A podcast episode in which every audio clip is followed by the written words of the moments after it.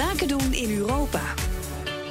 Want eerst was er de financiële crisis. De afgelopen twee jaar liep de Chinese export terug. Maar toch passeerden ruim 16% meer containers de Antwerpse haven dan vier jaar geleden. En dat terwijl ons Rotterdam juist marktaandeel verloor. want de goederenoverslag van de haven in Rotterdam die is afgelopen jaar iets achtergebleven bij die van het recordjaar 2015. Dat maakte de haven in Rotterdam vandaag bekend. Wij praten daarover met Luc Arnouds, commercieel directeur van de haven van Antwerpen. Meneer Arnouds, wat is de verklaring voor het Antwerpse succes? Goedemorgen. Um, ja, voor eerst wil ik toch ook uh, Rotterdam feliciteren met de mooie cijfers. Hè. Uiteindelijk uh, blijven ze natuurlijk onze, onze grote concurrent, die uh, toch wel een maatje groter is. Ik wil dat toch duidelijk even zeggen om te starten. We leven in goed nabuurschap samen en dat moet ook zo blijven. Dat is mooi. Maar dan, maar, u doet het toch net ietsje beter. ja, hoe komt dat? Wel, uh, het is zo dat wij enkele jaren geleden eigenlijk toch echt wel onder ons gewicht boksten, voornamelijk dan op de voornaamste route die tussen Azië en, Noordwest-Europa, en dan vooral China uh, en Noordwest-Europa. En dat wij eigenlijk dankzij de verdieping van de Schelde, en dat is een van de heel belangrijke componenten van het succes, dat is onze benautische bereikbaarheid, dat we eigenlijk een inhaalbeweging aan, uh, aan het doen zijn. En dat nog altijd doen. En dat verklaart eigenlijk toch wel een groot deel van, van het succes.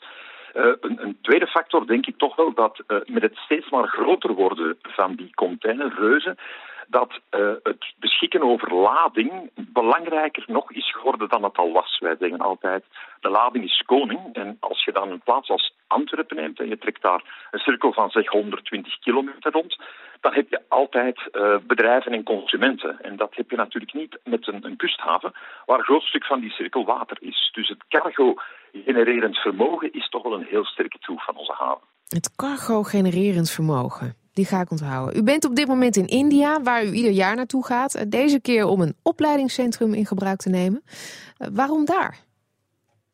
Wel, India is, is, is, een markt waar wij werkelijk in geloven dat het een enorme groeitoekomst heeft.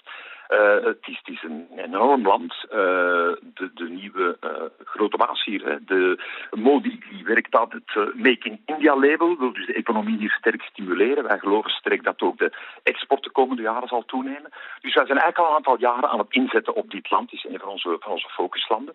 En we proberen daar op een heel intense wijze aanwezig te zijn. Dat is via ja, dit soort roadshows die ik deze week doe. Maar ook dus nu, en daar zijn we heel trots op, met de, de, de stichting van een, een echte school, een trainingsschool voor havendeskundigen. Uh, het is een, een, een, samenwerking met de grootste haven van, van India, de haven van Mumbai. En het is een manier voor ons om, om onze hoofddoelstelling van het marketinggegeven te bereiken, dat is top of mind zijn.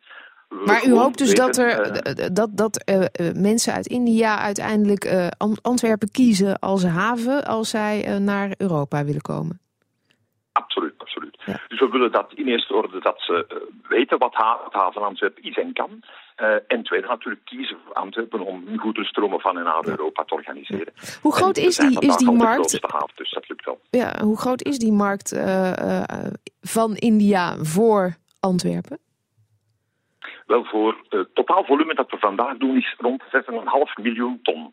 Op een totaal van 214 miljoen ton is dat uh, toch in onze top 10 van, uh, van landen, handelspartners.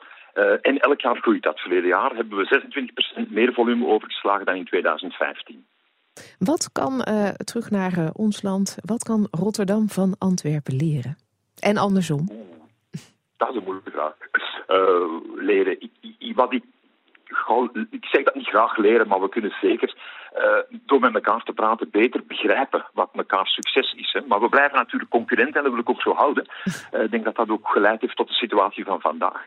Maar uh, waar wij misschien ja, een beetje meer aandacht aan geven, is, is ja, de, de, flexibiliteit en, en wat wij dan noemen onze hands-on mentaliteit is toch een troef waar nou, in Rotterdam uh, en, nou, niet lullen ja. maar poetsen. Ja, ja, en hoe hands-on wil je het krijgen? Precies, en de overhemden worden daar volgens mij opgestroopt verkocht, zeggen ze hier uh, altijd.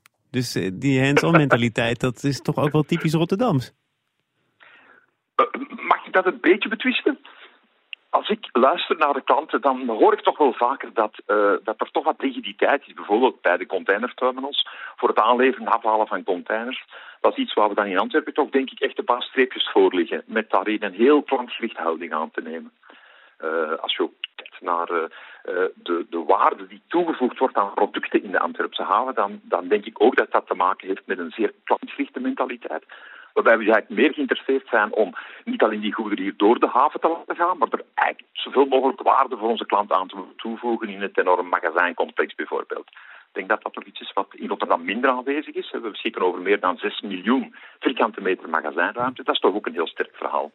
Nou, u begon met een paar complimenten en nu nog met een paar aandachtspunten voor Rotterdam. Ik denk dat u daar dankbaar voor zijn. Dank, Luc Arnoud, commercieel directeur van de haven van Antwerpen. En succes in India.